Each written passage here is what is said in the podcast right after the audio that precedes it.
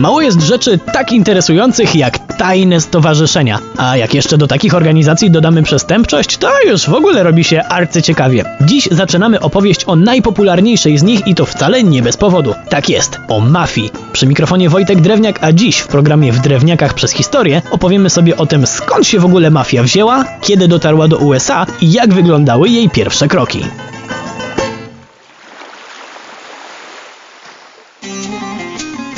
Jak pewnie większość osób wie, mafia powstała na Sycylii, ale to absolutnie nie jest przypadek. Zerknijmy sobie na mapę. To dość strategiczne miejsce dla handlu i ekspansji każdego zainteresowanego tym regionem. Nie dziwi więc, że dotarli tutaj i arabscy żeglarze. Kiedy? Pierwszej połowie IX wieku. Panowie Arabowie byli tolerancyjni dla wiary Sycylijczyków, jednak zakorzenili tam wtedy pewną zasadę. Kobiety przestały odgrywać jakąkolwiek decyzyjną rolę w kwestiach funkcjonowania rodziny. Ale to nie koniec elementów, które później były charakterystyczne dla wszystkich mafijnych rodzin, bo islamskie wojsko nie zajmowało się ściganiem przestępców, więc o wymierzanie lokalnej sprawiedliwości i zemstę za wyrządzone krzywdy musieli martwić się poszkodowani i ich rodziny. Żeby było jasne, to nie tak, że Arabowie zrobili z Sycylijczyków mafiozów, bo to by było przegięcie. Ich wpływ to był tylko jeden z elementów. Kolejnym było późniejsze panowanie Normanów, którzy wprowadzili tam porządek feudalny. Znaczy to tyle, że każdy tamtejszy właściciel ziemski wyznaczał sprawiedliwość tak, jak mu się to podobało. Zrobił się straszny bałagan, a mieszkańcy wyspy w tej sytuacji powszechnej niepewności zaczęli ufać tylko własnej rodzinie. Zaczyna to wszystko brzmieć znajomo, prawda? Mafijna rodzinna solidarność przez kolejne wieki tylko się umacniała.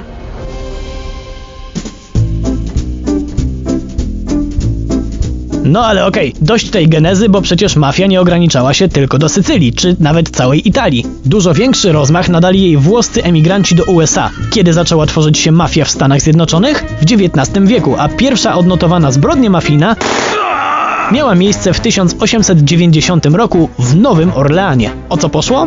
Jak to u gangsterów? O pieniądze i władzę. W wyniku tych porachunków zginął policjant, co wywołało potworne oburzenie zwykłych mieszkańców, ale mafia wyciągnęła wnioski. Do przeprowadzania nielegalnych interesów potrzebna była dyskrecja i spokój, zatem od tego feralnego wypadku między rodzinami panowała niepisana zasada. Zakaz zabijania policjantów i innych przedstawicieli prawa. Natomiast jak konkurencyjne rodziny traktowały się wzajemnie? To już jest inna historia. Wspomnieliśmy sobie już o tym, że Włosi zaczęli tworzyć mafię w USA już w XIX wieku, ale największa fala gangsterów przybyła tam dopiero po I wojnie światowej. Komu Amerykanie zawdzięczali najazd tych niewygodnych gości? Samemu Mussoliniemu. Żeby było jasne, Mussolini był świrem, ale akurat w kwestii walki z przestępczością był całkiem niezły, a na pewno bezwzględny. Obiecał swoim obywatelom, że zrobi z mafią porządek, a jego faszystowska administracja była tak brutalna i skuteczna, że mafijne rodziny zaczęły uciekać do USA. Same nie wiedząc do jakiego przestępczego raju zmierzają.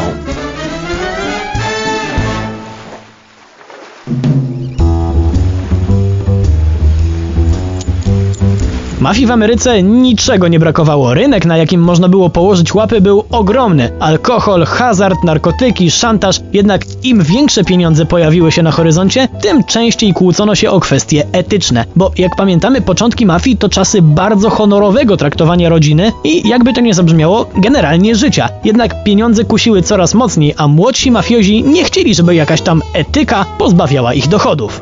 Od 13 do 16 maja 1929 roku w Atlantic City trwała konferencja, na którą zjechały się głowy mafijnych rodzin z całych Stanów. A po co się spotkali? Żeby stworzyć nową, wielką mafię, narodowy syndykat przestępczy, który miałby jeszcze większy zasięg i jeszcze potężniejszą moc. Żeby jednak to zrobić, trzeba było pozbyć się starej gwardii, która starała się szanować sycylijskie wzorce i tradycyjną formę mafii. Młodzi nazywali ich i, uwaga, bo naprawdę tego nie zmyśliłem, wąsatymi piotrkami.